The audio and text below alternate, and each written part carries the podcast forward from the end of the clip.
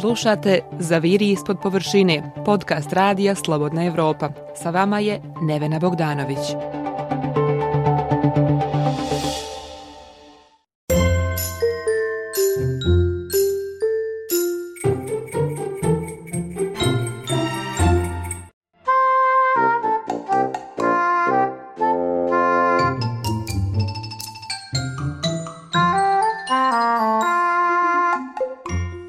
Odloženi festivali, odloženi koncerti, putovanja, premijere, utakmice, turniri, Fashion Week, olimpijada, maturske proslave, svadbe, slave i vašari i na kraju odloženi i novogodišnji dočeci.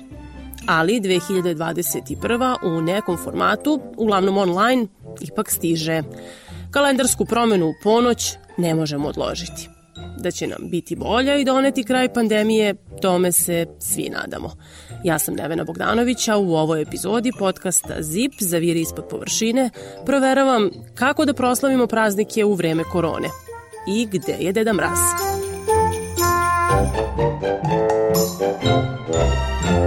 Deda Mraz je vakcinisan protiv korone i može da deli poklone, poručila nam je Svetska zdravstvena organizacija.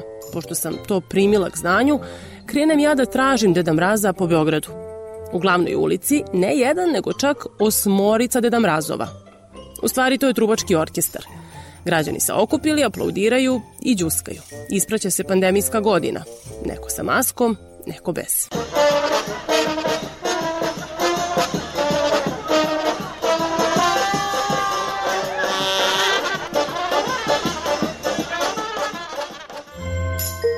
Ok, jasno je da ovi Deda Mrazovi ne dale poklone. Dalje, pored mene je proleteo Deda Mraz na biciklu. Dostavlja hranu. I dalje, nigde poklona. Ima nekih reklama na internetu da zoveš Deda Mraz. Platiš pa ti on uruči poklon. Kažu da nosi masku, a ako nećeš da ti dolazi na vrata, da ne bi kojim slučajem uz poklon doneo i koronu. Deda Mraz može da dođe na prozor ili terasu jer ima hidrauličnu dizalicu. Nada Zelić mi objašnjava da je najbezbednije da Deda Mraz dođe online, a da ti poklon poštom stigne na kućnu adresu. Ona sa prijateljima na Facebooku igra igricu Tajni Deda Mraz. U principu mi tajnih Deda Mrazova se igramo već godinama u porodici. Eto, sada se to nekako proširilo i na društvene mreže. Koleginica sa posla Sanja Homa je tagovala sve prijatelje za koje misle da bi se igrali i tako je počeo taj niz tajnih Deda Mrazova na društvenim mrežama. Ja sam repostovala taj post i ono, oni ljudi koji su se meni javili, u principu ja im šaljem podatke ljudi kojima oni treba da šalju poklon njihove kućne adrese. U principu to treba da bude nešto simbolično, neki mali poklon u vrednosti do 600 dinara i ono što najbitnije, niko ne sme da zna ko je njegov tajni Deda Mraz, odnosno tajni prijatelj.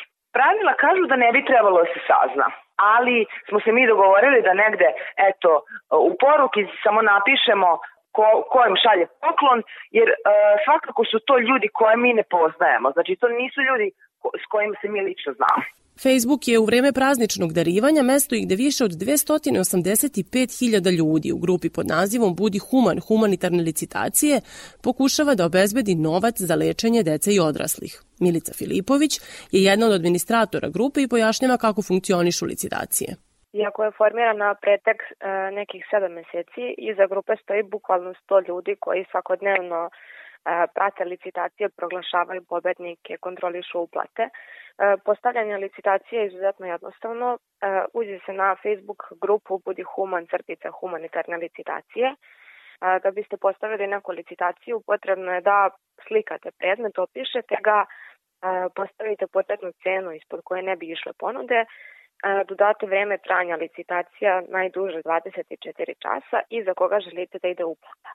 Nakon toga, kada objava bude puštena, e, drugi članovi grupe daju svoje ponude. Ko ponudi najviše nakon isteka licitacije, on je pobednik. Kada je pobednik proglašen, ima dva radna dana da uplati taj iznos direktno na račun korisnika fondacije i nakon toga ide slanje ili preuzimanje e, tog paketa. Kada je tek počelo, bilo je 10 licitacija dnevno, sutradan je bilo 20. U ovom momentu imamo od 2 do 2,5 hiljada licitacija dnevno, znači novih objava, a iznos koji se skupi na njima je od 15 do 25 hiljada eura. Znači na nivou dnevno, na nivou 24 časa. Pa pošto je trenutno e, smanjen broj objava, ljudi su okrenuti praznicima, provode vreme više sa porodicom i trenutno je pao neki broj objava u smislu da on je recimo sada oko 2000 dnevno. Evo ja pozivam ovom prilikom ljude da izdvoje bukvalno 5 minuta dnevno kako bi eto slikali predmet okačili i zaista ne oduzima mnogo vremena, a pomoći će, jer mi se u ovom momentu borimo za Jelenu Svetlanu Dragorada, Marka, Aleksu, Danijelu i mnoge druge čiji životi bi bili mnogo lakši ako bi svako od nas dao samo malo. Na grupi možete čak i da licitirate dolazak Deda Mraza na kućnu adresu, pa da i vi Deda Mraz nekome ulepšate praznike i date novac za lečenje. Kako bi se obezbedio novac za humanitarne svrhe, mnogi gradovi u Srbiji su preusmerili u te fondove pare namenjene organizaciji dočeka a jedan tajni Deda Mraz je čelnicima Beograda kod glavne gradske jelke ostavio poruku da zasija dečiji osmeh, a ne rasveta. Vraćamo se u okićenu knez Mihajlovu. Dok cupkaju uz zvuke trube, građane pitam kako će proslaviti praznike. S obzirom na okolnosti da nemamo neki izbor kod kuće. E, pravite neku žurku? Ma ne, ne, ne dečko. Dečko, porodica, vraćaju se neke ono stare navike koje su izgubile, da. iskreno. Da. Tako da svi su, Stari se raduju zbog toga, više nego mi, iskreno. ćemo biti dakle, ponovo sa njima. Nećemo da radimo nešto što... Možda ugrozi nas. Plašimo se. Plašimo se, logično. Najviše se plašimo zbog roditelja i kao starijih. Dobro, naravno izlazimo kad smo na otvorenom ne toliko i kad sedamo u kafi sednemo u baštu i to je to. Mislim, vodimo računa koliko možemo. Od kuće, naravno. Svoje, verovatno. Možda društvo, ali ne verujem. Sa dečkom u stanu to je sve. Nosim masku sve, ali nema ovde neke distance, nema pravila, mislim, vidi se da niko ne poštuje mere, a zna se ko je za to kriv. Tako da zatvorili su nam granice da mi koji smo iz uh, Republike Srpske ne možemo recimo za Božić da odemo kući jer nećemo moći da se vratimo na posao, a dozvolili su ovo. Kod kuće. Kod kuće? Da. Mislim da su ljudi neodgovorni. Stvarno što su opcije. Šurka sa prijateljima. Jel može to sad da se organizuje za vreme pandemije, je li izvodivo? Može u užem krugu. Krug od pet pa, ljudi. Pa, da. Kad god sam ovde, to jest u Srbiji, proslavljamo u krugu bližih prijatelja. To je Inače to. ne živiš u Srbiji? A, trenutno da, ali nisam živeo ovde skoro. Da li se plašiš korone sad za vreme praznika? Nema nikakve razlike da su praznici ili bilo šta, korona je to upletila. Plan za novogodišnje veče? Ne. Ne baš. Ne baš. Verovatno kod kuće. Kod kuće? uz dosta muzike. Samo deep house i to je to. da li planirate neko veće okupljanje ili manje? Pa ne, do, kako na mere ovaj, dozvoljavaju. Kod kuće sami proslavljaju praznike i Stojan i Milica, koje takođe srećemo u prepunom centru grada. Za novu godinu Stojan završava smenu u COVID bolnici na Banjici, pa me zanima kako njemu deluje ponašanje njegovih sugrađana. Ne znam, ne znam šta bi mogao da kažem baš. Evo je neozbiljno, ali da, nisu svesni uopšte. Situacije. I ne znam kako je tim ljudima teško, a nedovoljno su plaćeni za takav posao. Reci mi, e, tvoje kolege na banjici, jel želiš njima nešto da poručiš za novu godinu? Ti nećeš raditi, jel? Radim 31. ujutru izlazim iz noćne smene, tako da sam slobodno za novu godinu. Da se drže zajedno kao do sada i to je to. Kuća, kuća, kuća, pa naiđoh na Miloša koji putuje. Idem na Divčibar, iznajmili smo neku kolebicu, naš četvor i naši psi. Je li skupo na Divčibarama ove godine? Pa ja verujem da ovako ugostiteljski objekti nisu skupi, ali ovi ljudi su malo povisili cene za svoj smeštaj. U suštini idemo na, ja mislim, jedno sedam dana, naš četvoro ćemo to platiti oko 520 eura, što opet i nije skupo, ali su malo digli da, jer zbog situacije korone, jel te, nema se gde. Je li beg iz grada onda dobro rešenje za praznike? Pa dobro rešenje je uvek, s obzirom da u gradu je takva situacija kakva jeste, nije više bezbedno ni disati, a kamoli kretati se među ljudima. Na internetu iskaču novogodišnje hotelske ponude uz mogućnost proslave dočeka. Hoteli su i pre praznika imali relaksiranije mere u odnosu na restorane, kafiće, noćne klubove. Sa rastom hotelskih zvezdica raste i cena, a turističke agencije se hvale da su sobe i apartmani na planinama poput Zlatibora i Kopalnika unapred rezervisani i da je sve gotovo puno. Novogodišnji doček uz nastup pevača ponuda je i beogradskih hotela, a i pojedini klubovi reklamiraju praznične žurke na društvenim mrežama, pa to zbunjuje građane. Šta se dešava upućuje me Miša Relić, vlasnik Bite Fart kafea. Ovaj klub postoji skoro 20 godina. Poštujući mere sada ne rade, a Relić, koji je i predsednik udruženja noćnih barova i klubova, govori o dvostrukim maršinima – Zašto država, kako on kaže, naplaćuje rentu i porez i razne takse u gostiteljskom sektoru koji ne radi? I zašto se nekima, tvrdi Relić, ipak dozvoljava da krše mere? Vidite šta radi u hotelima, restorani u hotelima rade normalno. Kako? Čekiraju ljude na ulazu i onda se odčekiraju kad izađu napolje. Neverovatno što se radi. Država sve to zna i ništa se ne događa. A nas ugostitelji koji plaćamo porez, koji imamo zaposlene, koji sve radimo legalno, tretiraju kao poslednju stoku i bacaju nas bukvalno niz reku šta bude s nama biće. I sada smo došli u situaciju da smo ostali bez dinara u kući, da uopšte ne znamo kako ćemo da funkcionišemo. Ne sad, ne sutra, nego ne znamo kako ćemo da funkcionišemo, ti dugovi kojima nas država sada pritiska su toliko veliki, konkretno moja firma u ovom trenutku duguje 7,3 čini mi se miliona državi, za državne dažbine, za period kad mi ista ta država zabranila rad. Ako je to normalno, evo ja ne znam da sam ja lud. Ja lično mislim da je veći problem 10 ljudi u sobi od 15-20 kvadrata gde svi večeri uručuju zajedno i kao to je 10 ljudi iz pet različitih stanova, jel? Mislim da je to veći problem nego 20 ljudi u restoranu gde su stolovi na 2 metra razdaljine i tako dalje i tako dalje. Isto tako mislim da je veći problem da se organizuju tajne žurke po stanovima, po kućama, po nekim e, ilegalnim lokacijama što se čak i sad događa i događa se već mesec dana a država jako malo radi po tom pitanju. Dakle, vi imate žurke za po 50, 100, 200 ljudi na tajnim lokacijama koje se sve vreme događaju, niti se plaće porez, niti se bilo šta, bilo ko od zaposlenih prijavljen, jednostavno rade na crno, ljudi provodi, ljudi odlaze na taj provod. A, tih 5-6 lokala koji su sve vreme radili van mera i znamo već kojih razloga i uz čiju podršku, ovaj, oni će možda opstati, ali svi mi ostali smo gotovi, znači mi smo bukvalno na kolenima, ne znamo šta će se dogoditi s nama. Relić mi kaže i da će se ugostitelji koji legalno posluju boriti da dobiju sastanak sa vlastima, da se i na njih obrati pažnja u pandemiji i da se reši situacija. Šta od nameta da plaćaju, a šta ne.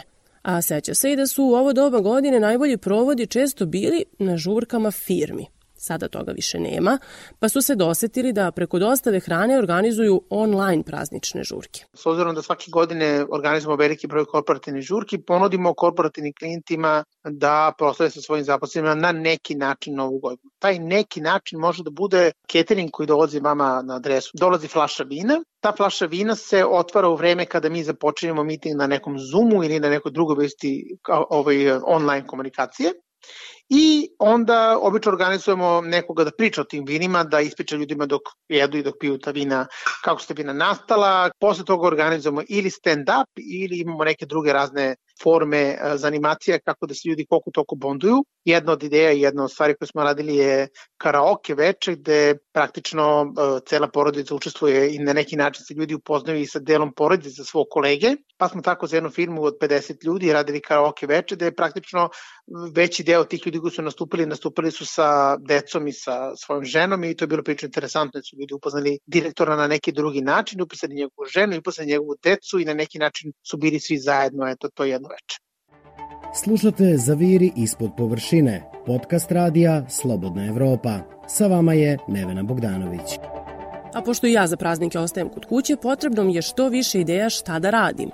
Od početka pandemije naviknuti smo na razne platforme za gledanje filmova, serija, igranje igrica i online druženja sa prijateljima i porodicom, pa smo to već usavršili. Televizije u Srbiji kažu da su uspeli da snime novogodišnji programa da poštuju epidemiološke mere.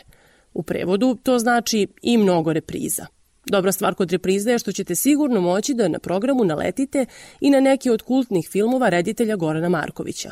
Ako ne biste da u danima veselja gledate film Variola Vera koji je mnoge podsjetio na trenutnu pandemiju, odličan izbor su uvek majstori majstori ili nacionalna klasa. A ja, Gorana Markovića, pitam šta će on raditi za vreme praznika. Pa ja lično koristim da recimo pročitam sve ono što sam odlagao. Postoje knjige koje jednostavno nemate vremena nikada u životu za njih i stalno odlažete trenutak kad ćete početi da ih čitate, sad je trenutak, po mom mišljenju. Sad ili nikad. u to spadaju naročito one obimne knjige kao što su, ne znam, Ulix, James Joyce ili Čovjek bez svojstva. Knjige koje imaju 800 strana, 900 i koje zahtevaju dosta veliku koncentraciju. To je jedna stvar. Druga stvar koju može čovjek da iskoristi to je da sredi svoje ili papire ili šta god. Jel?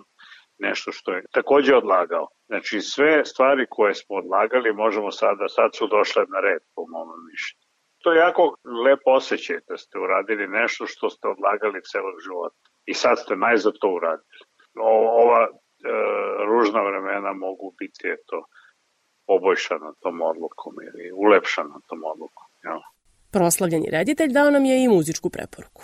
Moj muzički ukus je vrlo ne bih se usudio da ikom preporučim, zato što je specifičan. Ja recimo slušam novi džez i razne grupe kojima, za koje mnogi nisu čuli, kao što je Defaz ili Toska i to je ono što ja slušam. Ja mislim da muzika nije obavezno, ne služi za razveseljavanje. Naprotiv, da bude, da bude nešto što produbljuje čoveka i što ga ispunjava. Jel? i da je to odličan razlog da bi, da bi čovjek slušao muziku, ne samo da udri brigu na veselje.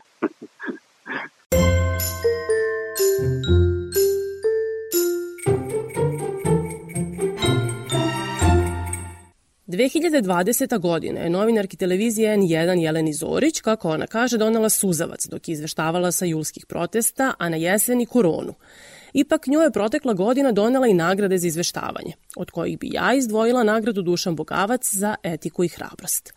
Jelena, koja je izveštavala iz crvene zone COVID bolnica, poručuje ostanite kod kuće za praznike. Moja preporuka je da svi budu članove svoje porodice, da se podsete koliko nam taj porodični krug znači, da pošalju dobre misli i molitve za sve u bolnicama, da makar video kolom budu uz one koji su izgubili nekoga u ovoj godini. Kada je u pitanju to kako da se informišu onome šta se dešava izvan njihovih kuća, mogli bi da gledaju televiziju N1 ili Novu S, uz specialitete srpske kuhinje, ali i dosta voća, uz limunade, kada je piće u pitanju, treba nam taj vitamin C, potrebno nam je to prijateljstvo sa prirodom više nego ikada i da razmišljamo o tome koliko smo i u 21. veku slabi kao ljudska bića, kada celoj planeti jedna korona potpuno pomuti živote, ali i da budemo radosni jer smo moćni pa se naoružavamo vakcinama. Neka svi prave planove za bolje dane, zaslužili smo ih i oni dolaze.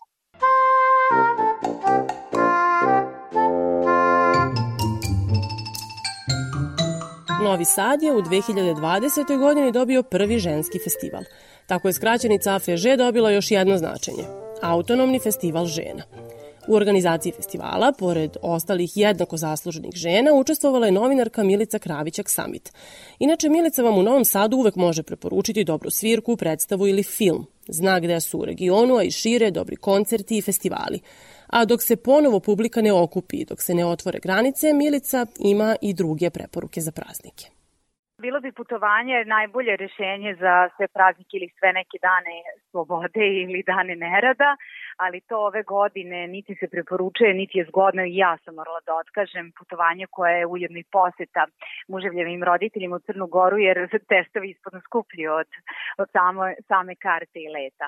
Ali nema veze, zato što mnogo toga imamo što bismo mogli da činimo. Na Kašičicu, ali i dalje recimo pozorište otvaraju svoje vrata. Pre neko večer gledala sam Veliku depresiju, to je premijerno ili ti poslednja predstava koju su uradili u tom ansamblu i stvarno se preporuke jer za mene potpuno sveža priča, istinite priča, ali mi je u životu promakla. Uh, Radium Girls uh, je pojam koji se već i u pop kulturi pojavljuje, dakle kako je veza između uh, radioaktivne čestice i, i devojaka je, eto to možete da saznate, strašno zanimljiva istorijska priča i dobro urađena i naravno majstralnog gluma Tijene Marković koju moram da pohvalim. Tako da eto pozorišta u tim dnevnim varijantama sad tako ispada na, na bezbednoj distanci, ali bre knjige su tu. Evo, baš su nas obradovala tri fantastična naslova, jedan čekam, dva su već stigla na adresu, dakle Lana Bastašić, Marija Ratković i Rumena Bužarovska, ukoliko vam je to već zatrpalo društvene mreže, e drago mi je što je tako, da malo slavimo žensko pismo i jedva čekam, krenula sam sa čitanjem prve knjige, čekam čekam da treća stigne na adresu, praktično to mi je ono što sam namenila za ove praznike jer sam i sama na godišnjem odmoru i to je ono da ja nađem naravno utočište kad već svirki nema, što mi inače pored putovanja omiljeno izostalo ove godine, ali sam vrlo srećna što sam dobila potvrdu da za narednu godinu zapravo stižu e, ovo što je izostalo ove godine, neki, neki veliki koncerti poput Placebo i Pixies, tako da sreća može i da se čeka. Američki Billboard dao nam je listu od čak 100 najslušanijih pesama koje su obeležile 2020. Svoje liste objavili su i ostali znalci. Na primjer, kritičari britanskog Guardiana ponudili su izbor najboljih pesama i albuma u različitim žanrovima. Ali šta je dobra muzika znaju i moje kolege u Novom Sadu. Dragana, Gorica i Zoran sa Novosadskog radija 021 protekle godine pokrenuli su muzički podcast Presluškivanje. Tako da su mi oni bili najbolja adresa da preporuče prazničnu playlistu. Veliki pozdrav iz Novog Sada, sa vama ekipa presluškivanja, ovde su Zoran Strika, Dragana Prica Kovačević i moja malenkost Gorica Nikolin i želimo da vam predložimo na koji način da ugodno provedete predstojeće praznike. Kolegi agenti godine je bila takva kakva jeste, ali da li ste upreko svemu uspeli da e, slušate neku dobru muziku ili da pogledate neke dobre filmove ili predstave? Nisam siguran da li je ova godina bila loša, pa je kao, ali je muzika bila dobra ili je toliko godina bila loša da mi je prosto muzika došla do izražaja i čak sam pre neki dan pravio neku playlistu onoga što sam slušao, a da je obiljeno ove godine i veoma opušteno sam 40 autora nabraja. Znači svakom po jedna pesma. Od toga bih izdvojio definitivno novi album Idolsa i sa tog novog albuma njihovu pesmu Grounds, novi album Paula Vellera, On Sunset se zove, isto imena pesme takođe odlična, a od domaćih bi izdvojio Sašu Antić, odnosno Alejandro Buendiju i njegov novi album Škrinja. Meni je muzički godina bila odlična što se tiče novog albuma Bruce Springsteena. Moram da se da, složim. Tako da taj deo ovako jako volim. To je bilo zanimljivo kako su ti muzičari u karantinu uspeli da stvore nešto zanimljivo. Recimo Rolling Stones su napravili novi album koji je odličan kao i uvek. Što se tiče nekih drugih stvari, recimo bilo je dosta zanimljivih filmova na ovim platformama kao što su Netflix i HBO mm -hmm. i dobrih serija. Preporučila bih na Netflixu da pogledate The Trial of Chicago 7, a što se tiče HBO, recimo neke stare serije bih preporučila da se vratite na njih jer sam ja to ove godine radila, znači Sopranos i Six Feet Under i tako nešto. I naravno na Netflixu Cobra Kai koji je došao ove godine. A moja preporuka je sve novo što je izbacila Miley Cyrus kad je reč o muzici, ali album novog R&B duo na muzičkoj sceni. U pitanju su devojke po imenu Chloe i Hali i njihova melodičnost je nešto što je meni ulepšalo celu ovu godinu. A od filmova vam definitivno preporučujem Just Mercy. To je film koji je izašao u januaru i za razliku od većine januarskih izdanja nije uopšte loš, naprotiv, gledala sam ga dva puta i ukoliko vas zanimaju teme socijalne pravde u društvu, svideće vam se definitivno i ovaj film. To je bilo to od naših preporuka šta možete da slušate i gledate za novogodišnje božićne praznike, a i posle toga mi vam želimo da uživate u ovom periodu koliko god je to moguće i da se lepo provedete u krugu najbliže porodice ili prijatelja. Kao i do sada, pazite da vas neko ne presluškuje.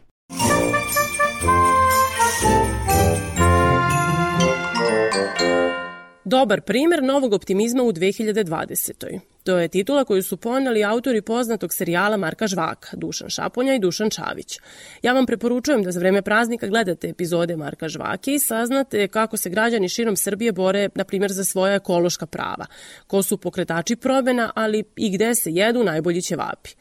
Dušan Čavić mi kaže da će praznike provesti u skladu sa merama koje predlažu lekari iz grupe Ujedinjeni protiv covid -a. To znači slavlje isključivo sa ukućanima, naravno kod kuće.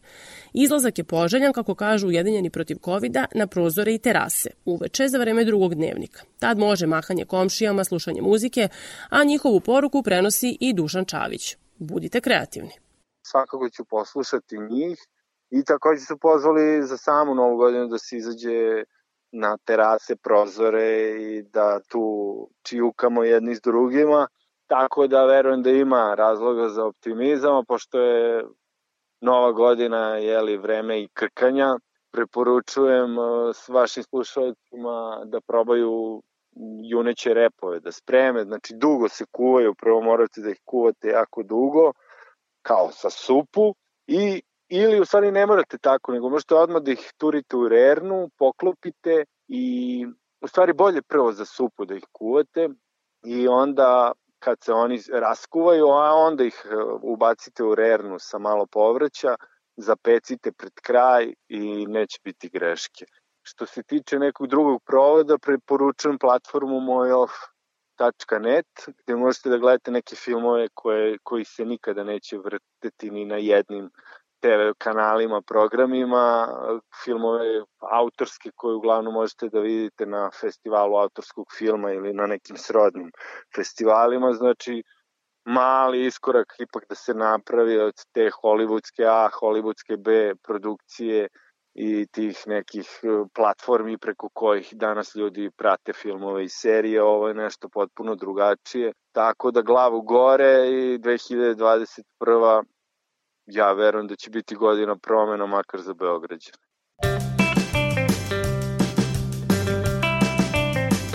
Prvo popodne u novoj godini, 1. januar, širom sveta rezervisan je za ljubitelje klasične muzike koji prate koncert Bečke filharmonije. Ljubiteljima klasike u novogodišnjim danima besplatne online koncerte poklanja opera Srpskog narodnog pozorišta i to u živom streamingu napominje direktor opere Aleksandar Stankov. U pitanju je bogat muzički program za gledaoce i slušaoce svih uzrasta, dakle od, od naših najmlađih sugrađana pa sve do onih sladokusaca e, operske muzike. Program započinjemo sa baletom Krcko Orašić, zapravo sa svitom Petra Iliča Čajkovskog, koja je imala e, čak i veću popularnost nego sam balet. Sledećeg dana predstava koju je bio Janis Joplin u koprodukciji Opensa i drame Srpskog narodnog pozorišta, Verdijeva Travijata, predstava operska kojom se mi ponosimo. Traviata je opera koja je izvedena 16. novembra 1947. godine kada je reosnovan rad opere Srpskog narodnog pozorišta i e, božićni gala koncert na kojem će biti božićne pesme, zapravo filmska muzika iz filmova e, na božićnu tematiku. Spektakularno završavamo program izvođenjem Arije Nessun Dorma iz opere Turandot, u izvođenju našeg tenora Aleksandre Saše Petrovića. E, zapravo zamišljeno je tako da ta arija bude sinhronizovana izvedena sa četiri lokacije u gradu. Svakako uz program e, operski koji smo predvideli da izvodimo online, e, znači u živom streamingu, preporučujemo da se provede uz neku čašu dobrog vina mislim da će to sasvim, sasvim prigodno ići uz vinsku pesmu iz opere Traviata, recimo. U pauzama televizijskog i online novogodišnjeg programa i praznične trpeze imaćemo i slobodnog vremena da svedemo račune iz prošle godine. 2020. je Oxfordov rečnik opisao kao godinu bez presedana i prvi put nisu mogli da izaberu jednu reč godine. Naravno, većina reči i fraza godine odnosi se na naš život tokom pandemije. Virus je, nažalost, tu, ali vratimo se i nekim lepšim temama. Šta vam se lepo dogodilo u protekloj godini? Prvi veliki praktičan rad gde smo se pokazale i verovatno će biti rezultata i za dalje pa ćemo da vidimo. Da, eto na poslovnom planu. To i nas ti iskreno spojilo, da, onako zbližilo nas je. Dobro, evo, nas dve nekom je ljubavnom planu. Da. Tako da, to... da, ja sam isto, uh, a nije, ja sam prošle godine još, nije, nije ja ova godina. Kao, eto, ako možemo da kažemo da nešto lepo u ovoj godini, to je moj Ljubav je ostala dobra. Da. to stoji. Mm, rad na sebi, pas treba da živimo da, zajedno. Da, trebali smo zajedno da živimo. Položila sam pravosudni ispit, advokatski ispit i upisujem se u advokatsku komoru kao advokat. Upoznala sam ljubav svog života. Našao sam svoju devojku u Dušicu. da, i rođena mi je danas.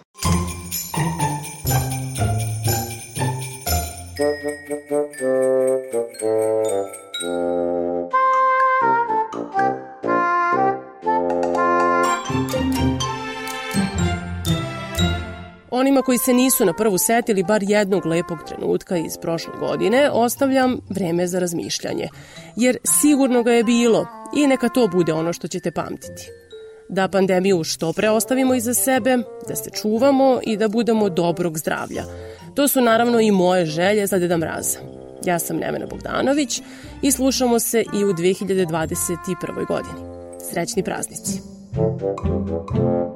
Thank you.